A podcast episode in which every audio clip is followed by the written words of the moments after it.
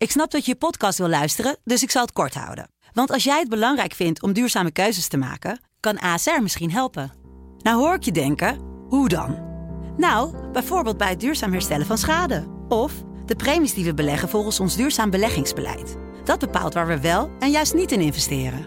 Wil je meer weten over welke duurzame keuzes ASR maakt? Ga dan naar asr.nl slash duurzame keuzes. ASR doet het. Zo, dan kan je nu lekker naar je podcast luisteren. Supersnel kozijnen bestellen? Toeleveringonline.nl. Bestel nu je kozijnen en betaal als zakelijke klant pas na levering. Toeleveringonline.nl. Dit is Delta Tango, de defensie- en veiligheidspodcast van de Telegraaf. Mijn naam is Olof van Jolen. Onze gast van vandaag stond al een paar weken op onze lijst. Ik wilde het met brigade-generaal buitendienst Otto van Wiggen hebben over de periode die hij als jong officier nog heeft meegemaakt. De Koude Oorlog. En toen werd alles ineens anders. Ukrainian forces have been fighting back against Russian assaults on the outskirts of Kiev. Who in the Lord's name does Putin think gives him the right to declare new so called countries on territory that belong to his neighbors? Nederland veroordeelt in de allerscherpste bewoordingen deze inval door Rusland uh, in Oekraïne. Hiervoor is één land, hiervoor is één persoon verantwoordelijk. Het land is Rusland. De persoon is Vladimir Poetin. Ja, uh, meneer Van Wiggen, welkom. We hebben afgesproken om te tutoyeren, dus vanaf nu is het gewoon uh, je. Ja, het lijkt wel alsof alles overnachts veranderd is. Uh, vind je dat ook zo of ja. niet? Ja, dat is het ook. Uh, voor mij was de inval absoluut onverwacht. Kijk, iedereen ziet natuurlijk die, die troepenopbouw. maar ik had toch zoiets van, dat is, dat is powerplay, dat is, een, dat, is, dat is dreigen met, dat is een onderhandelingspositie, dat is ja, toch datgene waar de Russen sterk in zijn. Maar de daadwerkelijke inval had ik niet verwacht. Dat was voor mij absoluut een, uh, een, een verrassing. Passen niet in het referentiekader wat we met z'n allen hadden of zo? Nee, nee. Te meer ook omdat je weet van... wat zijn de tweede en de derde rangs effecten van deze inval? Er zou natuurlijk een internationale reactie komen. En ik denk ook dat Poetin dat absoluut verkeerd heeft ingeschat wat er nu gebeurd is. Ja. Hoe, hoe, hoe, volg je dit nou? Want weliswaar uh, staat er BD uh, achter, die, uh, achter die generaalsrang. Ehm, maar ik kan me toch voorstellen dat het voor een, een militair vakman na zo'n hele carrière. Ja, dit, dit, hier, hier wil je misschien geen seconde van missen. Of? Nee, ik, beschouw mezelf als een professional. Hè? Dus dat betekent dat ik vanaf het begin dat ik officier geworden ben, ben ik met dat vak bezig geweest. Ja. Het is toch een vak. Dat klinkt misschien vreemd voor, voor mensen die die geen militair zijn. Maar dat betekent dat je dat ook niet meer loslaat. Dus je blijft daarover lezen. Je, je wilt toch bijblijven. Dus het is een natuurlijke grondhouding. Ik denk dat alle mensen die een vak uitgeoefend hebben en na verloop van tijd uh, ja, met pensioen gaan, dat wel blijven volgen. Ja, in, en, en, en hoe doe je dat? Uh, social media, tv? Uh, hoe... Hoofdzakelijk social media. Ik kijk natuurlijk ook veel CNN en ik kijk ook naar Euronews. Ik probeer die internationale media kanalen te volgen. Maar ik zie ook heel veel uh, bruikbare bespiegelingen, documenten op, op LinkedIn bijvoorbeeld. En die volg ik ook. En de ja. een is wat bruikbaarder dan de ander. Je moet natuurlijk ook vaststellen dat daar ook desinformatie tussen zit.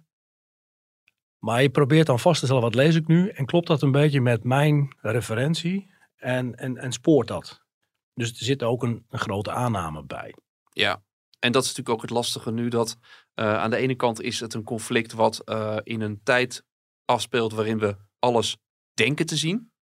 Maar ook hier geldt weer uh, dat, dat we toch ook maar een deel van wat er daadwerkelijk aan de hand is zien. Ja, ja wij, weten, wij weten niet precies wat er gebeurt. Ik heb ook geen enkel idee wat er daadwerkelijk in de frontlinies plaatsvindt. Dus wat er tussen Oekraïnse en Russische troepen, wat voor daadwerkelijke gevechten er plaatsvinden. Ik heb ook geen idee hoe groot dat, hoe groot dat is. En als je alleen naar de afstanden kijkt, de afstand van, van Kiev naar, uh, naar, naar uh, Kerch, dat is 550 kilometer. Dat is hetzelfde afstand van hier naar Parijs. Parijs ja. En als je van Kiev helemaal naar, uh, naar Kharkov gaat, is het ook nog eens een keer 500 kilometer. dus ik, ik, ik, ik heb, kan me daar geen beeld van vormen, dus ik probeer dat dan maar op te bouwen aan de hand van de documenten die ik lees. Ja. Uh, onze vaste luisteraars weten het inmiddels. Hè? We proberen in Delta Tango altijd los te komen van de waan van de dag. Nou, dat is nu heel erg moeilijk, omdat we met z'n allen heel erg bezig zijn met, met, met die oorlog daar, met de Oekraïne. Maar toch ook wel weer uh, de moeite waard, denken we, omdat je een bepaald perspectief krijgt op, uh, op dat conflict. Een perspectief wat, wat voor ons allemaal toch wel misschien wat meer te bevatten is, namelijk de Koude Oorlog. Eh, dat is een periode die, eh, die jij als, als, als jonge eh, officier, en je gaf het al aan, hebt meegemaakt. Wat is de associatie die als eerste binnenkomt wanneer, wanneer die Koude Oorlog op, je, op, op, je, op je netvlies komt? Nou, ja, laten we eerlijk zijn. In de tijd dat, dat ik luitenant was en, en beëdigd werd en begon in was in? 1981. Ja, Dus ik heb die hele tachtige jaren meegemaakt. Op het lagere niveau waren we natuurlijk alleen maar bezig met die dreiging. Hè? Vergis je niet. Dus het oorlogsgebied lag eigenlijk maar 100 kilometer ten oosten van Hannover. Dus ik heb nog steeds het oude General Defense Plan heb ik in mijn kast staan toen ik dat eh, een keer, eh, toen de Koude Oorlog stopte en die plannen niet meer valide waren. Dus ik heb nog steeds de ideeën en ook de beelden van wat wij nodig achten om ons te verdedigen achter die lijn eh Lüneburg tot aan Ulse. En vergis je niet, in die tijd zat er in, in Oost-Duitsland, daar zaten wel vier Russische legers met in totaal twintig divisies. Dus dan praten we over een, eh, een, een, een, een hoeveelheid troepen die misschien wel gelijk is als datgene wat ze nu geprojecteerd hebben aan de grens van de Oekraïne. En dat alleen maar in Oost-Duitsland. ja. En dat heb ik van huis uit meegekregen. Die dreiging is er altijd geweest. Hoe, hoe bereidde de krijgsmacht zich daarop voor? Hoe ging dat? Nou, de krijgsmacht had punt 1 een heel duidelijk General Defense Plan. NATO had dat. Er was ook een hele duidelijke eh, perceptie over hoe verdedigen we dan Duitsland. In twee army groups Daar had het Nederlandse legerkorps een rol in. Maar dat ging zelfs zover dat al die plannen helemaal uitgewerkt en voorbereid waren. Tot in detail? Tot in detail. Hoe, hoe, wat moet ik me daarvoor? Hoe, hoe gedetailleerd? Nou ja, ik ging als eh, commandant van 150 man, eh, ging ik eh, regelmatig met mijn, eh, met mijn commandant en, en, en de, de commandant daarvan naar voren, zoals wij dat dan vonden. Dus dan moesten we ook alle een- eenheidstekens op de, op de voertuigen afplakken, zodat eventuele spionnen of informanten van het Warschau-pact niet konden zien waar we vandaan komen, wat ze natuurlijk al wisten. maar wij gingen daar wel regelmatig naartoe en dan namen we details door. En dat ging tot op de enkele, enkele man. En dat ging ook tot op de enkele stukken geschut. Dat ging Waar ze tot- moesten staan, wat ze moesten doen. ja, daar werd over nagedacht. Maar het werd ook vaak beoefend. En vergis je niet, eh, in die tijd was het oefenen en trainen ging alleen maar over verdedigen. Dus we hadden toen dienstplichten van 14 maanden. Dus als je kijkt naar die 10 maanden dat ze paraat waren. Dat was een vastgesteld opleidingstraject van die oefening dan, dan die oefening, dan die oefening op dat niveau. En het was altijd in het teken van verdedigen. Dus alles ging over verdedigen. En ja, de voorbereiding ging zover dat wij op bepaalde locaties in het gebied waar wij verantwoordelijk voor waren, dat is toch het gebied tussen de Bezer en eh, het Elbe-Zuiderkanaal, tussen Lüneburg en Ulzen, daar hadden we dus ook onze forward storage sites. Daar lag gewoon ehm, niet alleen maar brandstof, maar daar lag ook veldversterkingsmateriaal voor 30 dagen. Ja. En ook munitie. Dus dat was er. Dus die plannen waren concreet. Het werd vaak beoefend. En als je praat over waar oefenden we voor, dat ging alleen maar hierover. Het massaconflict. Ja, ja zo wordt dat genoemd. Hè. Ehm, Ik heb begrepen dat het onder militairen anders wordt aangeduid. Nou, Groot- grootschalig conflict. ja, grootschalig. Maar goed, eh, laten we eerlijk zijn. Als je kijkt wat er in die sector van 80 kilometer breedte op het Nederlandse legerkorps afgekomen zou zijn. En je kunt die plannen nog gewoon zien in het Nationaal Militair Museum. Dan zie je ook dat de Russen ook gewoon tactische kernwapens ingezet zouden hebben. Tussen de Wezel tot aan de Nederlandse grens. Want dat maakt deel uit van hun doctrine. gewoon hun, eh, hun doctrine. En als je dan kijkt wat er bij ons doorheen zou komen, dat was gigantisch. En dan moet je wel rekening houden met. eh, ik, denk dat wij in, in, in, die in die sector van 80 kilometer geconfronteerd zouden worden met drie divisies. En dan praat je over 45.000 man in het eerste echelon. Ja. Wij hadden een gebied wat wij moesten verdedigen toen ik brigade S3 was. Dus een operatieofficier. En wij hielden rekening met een gebied van 2 kilometer breed, waar 450 stukken artillerie geconcentreerd op zouden worden ingezet om een doorbraak te genereren. Over dat soort aantallen praten. Enorme vernietigingskracht. A- alleen maar vernietiging. En dus in die tijd hadden we het ook over de doorbraaksector. En dat, dat vond met name plaats in het gebied tussen, tussen Bevens en Ulzen. Ik, ik ga er nog wel eens naartoe. Liefelijk platteland, hè? Het, het is fantastisch. Ja. Eh, maar de oudere Duitsers weten nog steeds wat er in die tijd gebeurde. Want ja, er, er vonden zoveel oefeningen plaats. Eh, vernielingen waren voorbereid. Hindernissen waren voorbereid om gelegd te worden. Maar het is goed dat het niet gebeurd zou zijn. Want Nee. ik denk dat de implicaties enorm zouden zijn geweest. Wat, wat deed dat? Eh, je bent nu eh, tegenwoordig erg bezig met, met, ik noem het maar, de mentale component. Met, met leiderschapscoaching. Met, met, wat, wat deed dat met eenheden? Want het, is, het lijkt me aan de ene kant is het heel concreet. Maar aan de andere kant is het ook heel abstract. Want gelukkig, ja, ze kwamen niet. Dus het bleef altijd, we zeggen, voorbereiden op een oorlog die er ook weer niet is. Kijk, wat, wat ik in die tijd eh, lastig vond en wat we tegenwoordig beter doen, is de, is de cohesie. Is de, is hoe kun je een dienstplichtige club van 14 maanden opleiden tot een, nou ja, tot een geoliede gevechtseenheid die in staat is om dit te doen. Ja. En daar had je maar 10 maanden voor. En dan waren ze weer weg. En dan waren ze weer weg. En dan hadden we ook nog eens een keer een systeem in Nederland. eh, dat wij van de 11 brigades die wij zouden ontplooien als het zou gebeuren, hadden we er maar zes gedeeltelijk paraat. Want we hebben natuurlijk wel voor de Nederlandse oplossing gekozen. Wij waren de enige NAVO-bondgenoot in dat deel van Duitsland. wat slechts een klein element v- forward had based. Oftewel een brigade in Zeedorf. Maar bijvoorbeeld de Engelsen en Amerikanen, die hadden het gros van hun, eh, hun troepen al daar gelegerd. En Nederland deed dat ja, op de bekende Nederlandse wijze, dus we zouden ook mobiliseren. Dus ik heb ook diverse mobilisatieoefeningen meegemaakt, dat wij in 48 uur tijd onze ex-dienstplichtigen moesten oproepen. Ik weet niet of je dat nog meegemaakt hebt. Donderslag zoveel. En dat, daarmee probeerden wij dan NAVO duidelijk te maken dat wij in staat waren om Dat die oplossing wel echt werkte. 48 uur tijd alles naar voren te krijgen. Ah, Wat in mijn beleving, ehm, nou, ik denk dat het wishful thinking geweest is. blij, blij achteraf dat niet heeft hoeven, Ja. ook daarom niet heeft hoeven gebeuren. Ja, het- en, dat is, en dat komt alleen maar omdat er een geloofwaardige afschrikking was. Dat is, het- dat, dat is dus, ik zeg altijd maar, if you want peace, prepare for war. Ja, En je kunt een ander alleen maar afhouden van als hij weet dat de prijs van een engagement hoger is dan, dan, die, nou ja, dan wat hij acceptabel acht. je, je zegt het al, eh, geloofwaardige afschrikking kan alleen maar met een, met een, een goede eh, troepenmacht, goede krijgsmacht. Hoe stonden eh, wij er, ondanks dan dat verhaal van dat mobiliseren, hoe, st- hoe stond die krijgsmacht ervoor in die tijd? Nou ja, goed, ik, ik heb daar drie jaar geleden heb ik daar een, een hoofdstukje voor geschreven in, het- in, in het boekje Koude Oorlog. Dus ik heb nog eens goed nagedacht van hey, hoe zagen we er destijds uit in de tachtig jaren? En als het gaat om uitrusting, dan was dat best wel goed. Mhm. We hadden, we hadden Leopard 2, we hadden Leopard 1 eh, verbeterd, tanks. We hadden best wel modern geschut. We hadden heel veel antitank. Eh, we hadden geen gevechtshelikopters, die waren er nog niet. Qua materiaal vind ik dat we best wel er goed bij stonden. Ja, Maar je blijft natuurlijk een dienstplichtig systeem hebben. Overigens, de Russen hebben nu ook hun dienstplichtigen ingezet. Er zijn natuurlijk ook beroepseenheden. Maar met je dienstplichtige kun je denk ik wat minder dan eh, nou, een beroepseenheid. En dat hebben we tegenwoordig wel. Alleen ja, het probleem tegenwoordig is... één op de vier functies is een vacature. ja, Eh, het materieel is gewoon niet inzetbaar. Eh, de voorraden zijn gewoon er niet meer.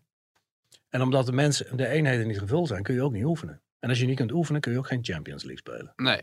nee la- laten we daar, daar zo nog, nog even over op doorgaan. Ehm, wat, waar ik ook wel benieuwd naar ben, want aan de ene kant, oké, materieel was het dan beter op orde. Ook al hoor je ook over die tijd wel ook mensen klagen dat bepaalde zaken niet er waren. Dat er, dat er altijd wel eh, een soort moment van onvrede over is geweest van eh, spanning tussen budget en ambities. Maar goed, die zal misschien minder pregnant zijn geweest toen dan nu. Ehm, hoe stonden eigenlijk die militairen erop? Want het was ook de tijd van eh, extreme mate het gebroken geweertje. Ik, ik, ik hoorde het verhaal onlangs nog van een, ehm, van een beroepsofficier die, die vertelde dat, eh, dat hij in de trein in de jaren zeventig gewoon eh, wel eens voor, voor fascist werd uitgescholden als hij in uniform reisde. Hoe was dat eigenlijk? Hoe stond Ja. die kaarsmacht ervoor?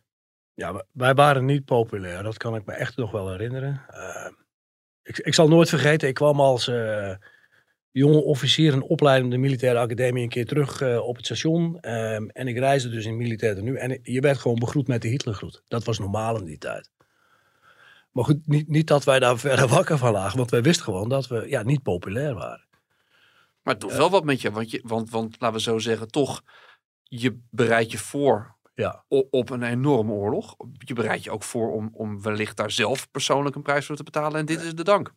Misschien dat je dat nog kunt herinneren. In 1981 hadden we een mega demonstratie in Amsterdam tegen kernwapens. Ja, Eh, dus je had toen- Historisch. Ja, je had toen ook het plaatsen van die eh, tactische kernwapens. Op Woensdrecht hè, moesten ze komen. Jawel, maar dat was een reactie op de SS-20 van de Russen. Ja. Dus, nou ja, fijn. Eh, laten we eerlijk zijn. Ik zie een kernwapen niet als een militair inzetmiddel. Ik zie het als een afschrikkingsmiddel. Maar dat was een enorme discussie destijds. Dus het leger in die tijd was niet, was niet populair. Maar als het nu gaat om hoe gingen wij zelf om met die dreiging en namen we ons vak serieus. Dat was heel erg afhankelijk van wie er in charge was. Ik kan me nog herinneren dat mijn bataljonscommandant, ja, ik kan het rustig zeggen, want de man leeft inmiddels niet meer. Maar ik maakte me dan wel eens druk over een bepaalde oefening of eh, een, een lichting had relatief weinig eh, personeel opgeleverd, dus ik had te weinig acht kerels achter in de bak. Waar maak je je toch druk om? Het wordt toch geen oorlog. Dat was wel zijn beleving. Ja, En dat was van heel veel mensen in die tijd de beleving. We, we, we- we oefenen wel, we hebben de spullen wel, maar het gebeurt toch niet. Mhm. Dus, ehm, maar ik heb ook eh, eenheden gezien, ik heb ook generaals gezien in die tijd die dat wel serieus namen. ja. En daar lag het heel erg aan. En, en voor de dienstplichtigen maakte het niet uit. Het was er maar net aan hoe je met hen omging. En hen probeerde te visualiseren van ja jongens, wa- wa- waarom halen we jullie 14 maanden uit je burger tijd weg om dit te doen? Ik kan me voorstellen, misschien is dat nu ook weer weggeëpt. Maar dat nu onder een, een grotere concentratie van eh, de beroepsmilitairen eh, gevoel is bij, bij klaar moeten zijn voor vechten. Omdat ze het gewoon domweg gedaan hebben. Nu, is er absoluut eh, in de militaire eenheden een sense of urgency van hey, dit is serieus. Eh, heel veel jongens die nu, ehm, nou ja, laat ik maar zeggen, in dezelfde positie zijn als ik in de 80 jaar, die kapitein-majoor zijn, dus een eenheid commanderen, hebben ook vaak wel Afghanistan-ervaring. Dus ik wil het weten zeggen, die betekent. hebben echt oorlog ervaren. Ja. Die weet wat het inhoudt, maar die schaal is natuurlijk niet te vergelijken met wat we nu zien Nee. in Oekraïne. Nee. En dan, dan was de Taliban een serieuze tegenstander, maar die had geen luchtsteun, die had nauwelijks artillerie. Ehm, die was wel vaak onzichtbaar en kon je nou natuurlijk ook op hele lastige momenten met bermbommen en van alles nog wat belabberen. Maar wat we nu zien, dus dat is daadwerkelijk ja, dat grootschalige, dat massaconflict. Ja, dat heeft denk ik nog niemand gezien, ook wij niet. De val van de muur is een feit. De grote trendbreuk hè, is de val van de muur ehm, geweest. Hoe was die periode die daarop volgde? Was dat, ik heb wel eens begrepen dat de eerste paar jaar dat iedereen toch nog een beetje doorging als, alsof die muur er nog stond. Ja, En eh, toen? Daar heb ik zelf ook aan meegedaan. Dus ik had ook zoiets van, eh, ja maar wacht even, dit, dit, dit is mijn vak en dat wil ik serieus nemen. Maar je zag wel dat het omdraaide. En dat het ook heel snel, het werd ook heel snel ridicuul gemaakt. En je werd ook heel snel voor oude denker uitgemaakt. Ik kan me nog herinneren dat, eh, ja, ik ben er best wel lang mee door blijven gaan met, ja wacht even jongens, dit is wel de basis van ons vak. Eh, en misschien gebeurt het niet meer in Europa. Maar het afstemmen van al die verschillende elementen van militair vermogen moet je wel blijven beoefenen. En dan, eh, ik kreeg wel eens het verwijt van, ja, het lijkt wel alsof jij de voorzitter bent van de vereniging tot behoud van de doorbraaksector. Oftewel, je, man, je bent zo prehistorisch en eh, besef dat we tegenwoordig alleen nog maar bij een roodblok staan. En we gaan nog alleen maar naar eh, gebieden waar we met een blauwe helm op lopen. Ja, En dat hebben we ook moeten doen, want laten we eerlijk zijn, een paar jaar na de val van de muur zijn we al tegen Srebrenica aangelopen in 1995. ja. Dat was onze eerste tik op de neus die wij als beroepsleger kregen in die tijd. Ehm, en, en wellicht toch ook een wake-up call dat, eh, dat je klaar moet Ja. zijn voor, voor, eh, eh, voor, plat gezegd, echt in, in het hoge geweldspectrum acteren. Kunnen opereren in gevechtsoperaties. En, en daar hebben wij als Nederlandse krijgsmacht, ja, dat hebben wij niet goed gedaan, laten we eerlijk zijn. Nee. En ik zie dat nu weer. Ehm, en ja, het gevaar natuurlijk dat je als, als ouder iemand ook heel snel conservatief denkt. Maar ja, het vak van militair is nou eenmaal gewoon legitiem geweld gebruiken om, eh, om bepaalde doelstellingen te bereiken. En als je dat niet regelmatig beoefent, dan ben je niet geloofwaardig. Dus ik zie dat we met van allerlei hypes bezig geweest zijn. De- we moesten vooral eh, de 25 mm van de IPR afhalen toen we naar Srebrenica gaan, want dat zou escalerend zijn. Nou, we weten wat dat ons eh, opgeleverd heeft. We, we maken die fouten nog steeds als we troepen naar Afghanistan sturen. Was het daar ook het geval? Want het eh, beeld was toen toch wel dat ze daar beter, eh, robuuster eh, eh, na- naar het, land Ja. in zijn gegaan. Ja, maar ik was een van de eerste die in 2005 in Kandahar zat. En ehm, Dat was in de periode dat de Nederlandse kaassteden actief Dat wij. Enduring Freedom deden. Ja. Nou, punt 1 mochten wij daar vanuit Den Haag niet praten over wat daar gebeurde met bermbommen en Amerikaanse slachtoffers. Met name de Amerikaanse Special Forces hebben best wel veel slachtoffers gehad. Eh, daar wilde men in Den Haag gewoon niet aan. Het was een opbouwmissie. Hou op met rap- rapporten over bermbommen en slachtoffers. Eh, praat niet over vechten. En dat heeft ons twee jaar geduurd. Dus we hebben daar vier jaar gezeten. En de eerste twee jaar heeft hebben al onze mensen die daar gezeten hebben geworsteld met, ja maar wacht even, ik word hier geconfronteerd met een vijand die, eh, die, die serieus is en op mij schiet en, en ik moet terugknokken. Terwijl het beeld dat was er, want dat is ook, ik bedoel, ik heb, ik heb zelf met mijn collega Silver Schoonhoven, dat eh, gezien. een, een- we hebben vorig jaar een Oerskamboek gepresenteerd.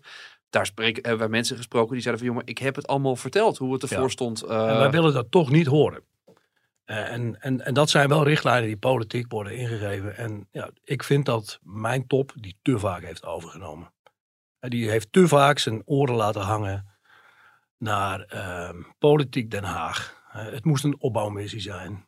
Dus naar de nog- wenselijkheid toe redeneren. Ja, verschrikkelijk. Ja. Dus dat zit in ons. Ehm, gelukkig zie ik nu iets anders. Want laten we eerlijk zijn. Oekraïne heeft wel laten zien dat er een enorme verbondenheid inmiddels is. Dat er geen enkele discussie meer is over hoe wij ons als westerse wereld op moeten stellen. Eh, maar wij zien ook eh, wat, wat de effecten zijn van een natie die aangevallen wordt. Die dus op een bepaalde manier ook terugvecht. En wij zien dus ook eh, wat voor een enorme bindende factor dat heeft. En dus Mhm. ik, ik ben best wel onder de indruk geraakt van, eh, van de weerstand van niet alleen de Oekraïnse, Oekraïnse leger en strijdkrachten, maar ook met name van de burgers en van hun leiding. Ik bedoel, we kunnen er lang en breed over hebben, maar als ik zie hoe eh Zelensky zich manifesteert in, in, die, in die mediawereld, maar ook hoe hij informatieoperaties eh, bedrijft en hoe hij dus ook die geloofwaardigheid van dat Oekraïnse optreden en ook de steun krijgt van de internationale wereld, ja, dat intrigeert mij wel. Dat- Die men, toch weer die mentale component. het gaat, ja, war is, a, war is a clash between human wills. Ja. En dat zal altijd zo blijven. Ja, als, als, als we, eh, je, je stipt het al aan, hè? eh, plotseling worden mensen wakker. Eh, Een beetje omstreden term in deze tijden van, eh, van wappies, maar dat is, dat is wel zo. Ik bedoel, dat die gedachtegang, dat kwartje lijkt te vallen van we moeten eh, eh, bereid zijn te betalen voor onze vrijheid. Die vrijheid is niet gratis. Ehm, die, die voortdurende bezuinigingen die er waren, die heb je zelf ook ervaren op, op, op, op operationeel niveau. Als commandant commando, korpscommandotroepen, commandant bij de luchtmobiele brigade. Wat deed dat met, met die organisatie? Hoe, hoe ondergingen mensen dat? Ehm, dat grijpt mensen aan. Eh, Laat ik zo zeggen, het- niemand vindt dat leuk. Maar uiteindelijk gaan militairen ook weer gewoon over tot de orde van de dag. En gaan het gewoon fixen met datgene wat ze dan wel hebben. Wat is dat? Is dat een soort hele diepe intrinsieke motivatie die ze hebben? Dat is gebaseerd op intrinsieke drive. Maar het is ook gebaseerd op het feit dat, dat, dat ja, eh, wij nu wel mensen binnenhalen en opvoeden en opleiden tot, tot weerbare. Ja, tot, tot weerbare personen. Dus weerbaarheid, veerkracht vind ik gewoon heel erg typerend voor. Ook de wijze waarop wij met dit soort uitdagingen omgaan. Maar en die mensen hebben wellicht wel dat beeld gehad van wat er om ons heen is, is Ja. niet één groot gezellig eh, eh, gebied. En, en er Ja. zijn nog steeds eh, naties die ons misschien kwaad willen. Ja, maar als je me vraagt van, ja, wat doet dat met jou? Ja, ik word er niet cynisch van. Nee, je zou het misschien verwachten. Ehm, ja, ik denk dat dat toch eh, meegegeven is in de militaire DNA. Veerkracht, eh, weerbaarheid. En we zouden misschien iets harder ehm, voor onszelf moeten opkomen op het moment dat het nodig is. Dus ik Ja. had van mijn legertop ook iets, een iets flinkere opstelling verwacht in de richting van de politieke eh verantwoordelijke. Laten we niet vergeten dat het nog niet zo lang geleden is dat vier bevelhebbers van krijgsmachtdelen een statement hebben gemaakt naar de politiek. En daar heeft geen enkele politieke partij wat mee gedaan. Dat is 4 miljard, hè? Er werd 4 miljard gevraagd. En die 4 Maar miljard dat- was de ondergrens. Maar dat was ook, ik vond het ook een, eh, een, een fatsoenlijke en een respectvolle manier van luisteren. Jullie verwaarlozen de organisatie.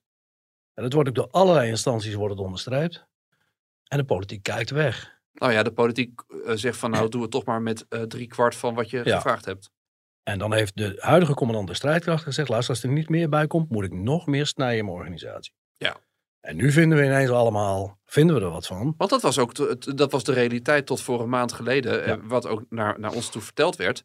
We zullen keuzes moeten maken. En daar wordt dan wel een soort, soort dekentje overheen gelegd. Van nou ja, we, gaan ook allemaal goede dingen doen. Ja. Maar bedoel, per saldo, eh, bijvoorbeeld, hoor ik. En eh, werd het me ook door meerdere mensen inmiddels bevestigd. Dat er gewoon heel hard werd nagedacht over het schrappen van operationele landmacht. Een brigade. Er wordt gewoon nog steeds over nagedacht. Dus dat gaat allemaal gewoon door. Eh, ja, ik was wel heel erg prettig verrast met eh, de opstelling van de Duitsers. 100 miljard investeren in Ja, defensie. Kijk, dat, dat was ook een trendbreuk. Overigens ook een gevolg van het feit wat er nu in Oekraïne gebeurt. Ja, je mag het eigenlijk niet zeggen, maar ook ieder voordeel heeft dus, of ieder nadeel heeft dus kennelijk ook een beetje zijn voordeel. Het heeft ons meer verenigd. En we hebben de boodschap begrepen, we zullen meer moeten investeren. ja. Alleen lopen wij daar in Nederland nog, ehm, nou, we zijn nog, we zijn nog zoekende. Maar ik zie wel dat wat er nu gebeurt in de Oekraïne, het besef nu in politiek Den Haag geland is van, hey, we zullen toch moeten investeren. Er moet gewoon meer bij. Ja, want je, je stipt het net al aan, eh, wat, wat de issues zijn. Eh, maar je hebt dat zelf ook echt heel concreet nog gezien. Want dan nadat je de dienst uit was, eh, ben je nog gevraagd door de toenmalige commandant landmacht, Leo Beulen, om, om mee te werken aan, aan voorbereiding van een hele grote oefening, Bison Drasco. Dat was eigenlijk de eerste grote oefening waarbij weer werd eh, geoefend met het eh, grootschalige conflict, dat grootschalig optreden. Ehm, en, en in mijn beleving, of, eh, wat ik, wat, wat ik zo gezien heb, was dat ook eigenlijk de eerste soortement van lakmoesproef van hoe staan we ervoor? Ja. Kan je vertellen wat eruit rolde? Ja, die, die nulmeting die was eh, best wel pijnlijk. Eh, want het was inderdaad de eerste keer dat we weer met 4000 man eh, een zogenaamde Artikel 5 operatie gingen doen. Maar op alle vlakken. Nou, daar heb ik ook een artikel over geschreven. Of het nou de mentale, de conceptuele of de fysieke component is, kwamen we tekort. En dat, dat, nou, dat, dat, dat is overigens niet mijn constatering. Dat is de constatering toen geweest van de, van de toenmalige brigadecommandant, Jans Willens. En dat is ook gecommuniceerd. En uiteindelijk is er ook een vervolgoefening eh, in een commandopostsetting geweest. Waarbij we nog eens een keer vaststelden, wat moeten we dan verbeteren? En dan stopt het. En dus die constateringen, nou, goed, ik heb dat boekje toevallig bij me. Dat ligt voor je op tafel. Dat is drie jaar geleden geweest. Nou, als ik nog eens lees wat er toen geschreven is, dit is toch, het is best wel confronterend. Maar is het nog actueel? De, de situatie is niet verbeterd. Want we hebben nog steeds eh, niet genoeg mensen, niet genoeg materieel, Nee. er is niet goed getraind. Of wat, wat, wat, Nee, ik zal de aantallen niet eh, echt in detail, want daar, is dit, daar vind ik het net even te ver voor gaan. Maar het is alarmerend.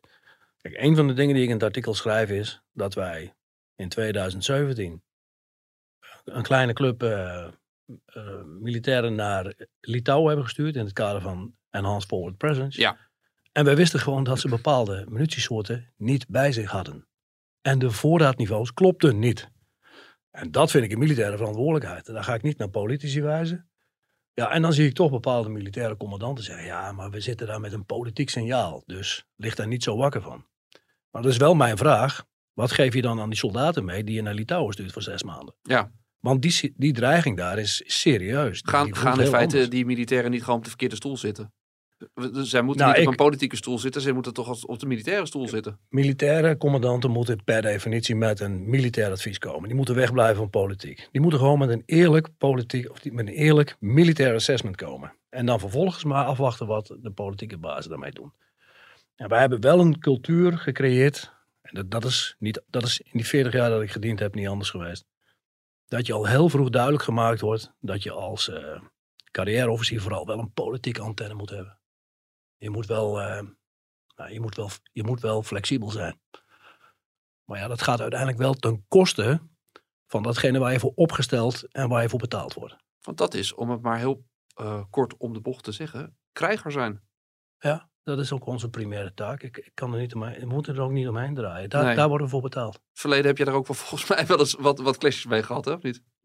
Ja, dat klopt. Maar aan de andere kant kan je ook zeggen van hoe, hoe recht kan je jezelf in de spiegel kijken wanneer je niet gewoon zegt van zo, zo is het wat het is. Militaire commandanten moeten een eerlijk militair advies geven. En moeten wegblijven van politiek. Ja. Dat- maar goed, het feit dat ik dat zeg, betekent ook dat ik mezelf gelijk disqualificeer. In dat gremium wat tegen de politiek aanschurkt. Want die vinden mij waarschijnlijk eh, ongepolijst, zoals dat heet. Ja, maar laten we zo zeggen, die waarheid, ik bedoel, ik, ik als ik het als burger redeneer, eh, dat ben ik natuurlijk ook, eh, dan wil je ook, dan wil je dat weten. Ik wil dat weten, want bedoel, dat is ook belangrijke informatie om te horen hoe staan we ervoor. Want dat Ja. is ook de krijgsmacht die mij en, en, mijn, en mijn naasten moet beschermen. Ja, ik probeer ook wel eens dat mechanisme te begrijpen dat, eh, dat, dat hogere militairen dan daar toch omheen draaien. En vooral proberen tegemoet te komen aan de politieke richtlijnen. Ehm, ja, maar iedereen maakt die keuze voor zichzelf. Maar Is- ik vind dat, is dat in het buitenland anders? Amerikanen, Ja. Britten? Ja, ik vind dit wel een typisch Nederlands trekje. Ik heb, nou, de Duitsers denk ik ook wel, maar dat heeft met hun verleden te maken. Ja, want daar is die politieke correctheid is nog erger. Hmm. Maar Engelsen en Amerikanen hebben hier niet zoveel last van. Nee, maar ik, ik zie ook inderdaad va- met regelmaat in internationale media wel Amerikanen. Dat ik denk, nou, je draait er niet omheen. Ja. Jij, jij geeft inderdaad uiteindelijk weer eh, hoe het ervoor staat. Ja, ik, ik, ik wil ook wegblijven van, eh, van die gung-ho-taal van Amerikanen. Hè? Maar je moet wel een eerlijk en duidelijk beeld geven van dit is er aan de hand en dit hebben we nodig. En, en dit werkt wel of dit werkt niet. Het gaat ook over verwachtingen wekken. Dus als je... Nou ja, goed, we hebben Srebrenica meegemaakt. We hebben ons dus in, met een politieke richting op laten zadelen met een volledig... Ja, eh, ik, ik wil niet zeggen incapabele eenheid, maar een eenheid die van alles ontbrak. En van ja, vind je het gek dat op, op het moment dat het, dat het dus echt spannend wordt, dat we niet in staat zijn om, eh, om ons te verweren met alle gevolgen van dien. Nee. Als we nu naar nu kijken, eh, die bereidheid begint er dan te zijn. Er, er, er is momentum, bestuurlijk momentum, in ieder geval politiek momentum op dit moment. Ehm, wat, welke stappen moeten we nu gaan zetten om wel die geloofwaardige tegenkracht weer Ja. te kunnen zijn van de Russen? Ik kijk niet gelijk eerst naar wapensystemen. Ik kijk eerst naar mensen.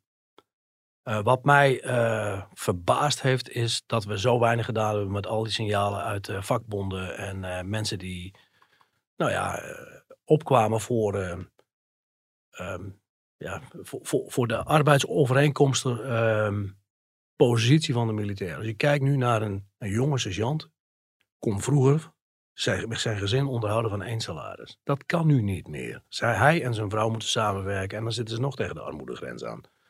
Dus het feit dat we zo lang hebben moeten wachten op een CAO, dat we de lonen niet meegegroeid zijn, dat we geen carrièreperspectief hebben, eh, dat moet eerst gerepareerd worden. Dus als Defensie claimt dat ze een mensenbedrijf zijn en dat eh, de, de militair centraal staat, dan moet dat ook blijken uit de wijze waarop ze betaald worden. Andere departementen doen het wel goed. De politie, onderwijs, ook bij de zorg. Nou, Je kunt er wat van vinden. Maar daar wordt wel op gewezen van je moet je mensen waarderen in de vorm van een fatsoenlijk salaris. Nou, daar begint het mee. Want bedoel, heb je de mensen niet, dan kan je de mooiste wapensystemen kopen, maar er is niemand om ze te bedienen. Daarom, dat is nu een van de belangrijkste redenen dat we niet inzetbaar zijn. Het is dat we een van de vier militaire functies is een vacature. Dat kan natuurlijk niet. Dus nou, wil je mensen weer interesseren voor dit vak en die zijn er echt, moet je ze wel fatsoenlijk Ben je betalen. ervan van overtuigd? Is het niet dat, dat de maatschappij zo veranderd is dat er niet meer die, die jonge kerel is die, eh, die soldaat wil worden? Of dat er niet Ja. meer de Otto van Wiggen van, eh, van 40 jaar geleden is die denkt ik wil naar de KMA toe en ik wil beroepsofficier worden? Ik, ik denk dat het nog steeds voldoende mensen te mobiliseren zijn. Demografisch moeten we over een jaar of 10, 20 wel over nadenken van hoe lang kunnen we dat blijven volhouden. Want, want de maatschappij verandert wel. Maar als wij gewoon fatsoenlijk eh, betalen ehm, en, en, en mensen ook gewoon een carrièreperspectief bieden, dan ben ik ervan overtuigd dat we dat binnen no time weer herstellen. Nou, daar is in ieder geval de eerste, de eerste voortekenen zijn er. Hè. Er is 500 miljoen geoormerkt door de huidige, eh, in- binnen het huidige kabinet. En eh, een staatssecretaris die heeft gezegd, ik wil binnen 20 dagen een nieuwe CAO. Ik, ik hoorde wat mensen gniffelen. Toen zei die van, zeiden ze van, het is een salarisgebouw, dat is 104 jaar oud. Als je dat in 20 dagen wil aanpassen, dat is best Ja. ambitieus. Maar goed, begint met ambitie zou je kunnen zeggen. Ja, nee, maar goed, je bent best wel ingewijd genoeg om te weten dat dit echt een heel zwak punt is.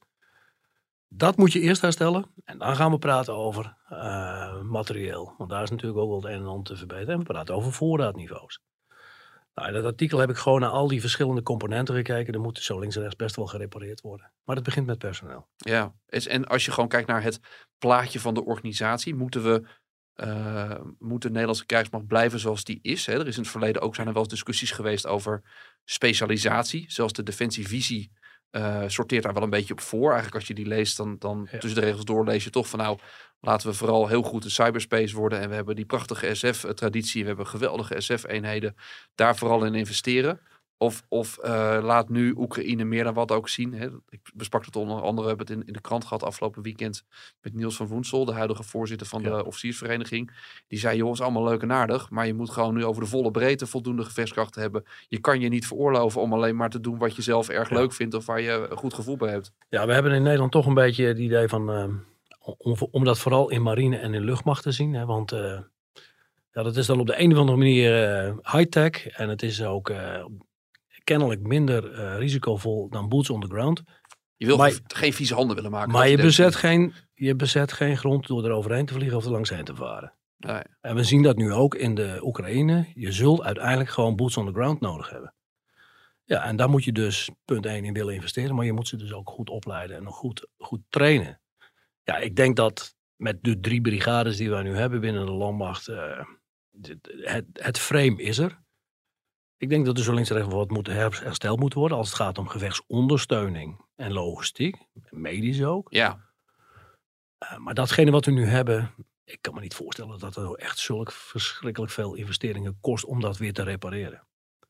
dat is nog gelukkig een soort van nou ja, gematigd positief signaal. Want je hoort natuurlijk ook wel dat er eh, mensen zeggen, joh, om dat op, op poten te krijgen, 10 jaar, misschien wel 15 jaar. Nee, dat, zo, zo ver hoeft dat niet. Ehm Defensie heeft natuurlijk wel van die hele rare procedures dat ze zichzelf vaak ook in de weg zitten. Dat heeft met, eh, met al die, eh, die aanschafprocedures te maken. Dat, maar goed, daar ben ik geen specialist in. Dat kost heel veel tijd. Maar met name die mensen hoef je gelukkig niet aan te besteden. Je hoeft de sergeant hoef je niet Europees aan te je, besteden. nee, daar kun je morgen weer beginnen. Ja. Uh, overigens, dan moet hij wel opgeleid worden. Ik denk, niet, ik denk dat er echt wel eh, dat dat niet zo moeilijk is om dit te herstellen. Maar ik, ik ehm, dat is, we zeggen, in deze hele, hele harde tijden toch nog een, ehm, een beetje een geruststellende conclusie. Ehm Otto van Wiggen, bedankt voor je komst. Ik vond het eh, echt de moeite waard. Eh, we hebben ook het afgelopen half jaar wel een half uur nu een beetje gezien dat de geschiedenis herhaalt. Eh, maar laten we inderdaad hopen dat het, eh, net als in de Koude Oorlog, toch lukt om een soort passend antwoord te formuleren. Eh, dit was Delta Tango voor deze keer. We hopen dat je met eh, plezier hebt geluisterd. En als het zo is, abonneer je op de podcast, zodat je geen aflevering meer hoeft te missen. En ook met recensies, eh, liefst natuurlijk positieve, doe je ons een groot plezier, zodat meer mensen ons gaan vinden. Wij zijn er over twee weken weer met een onderwerp uit de wereld van veiligheid en defensie.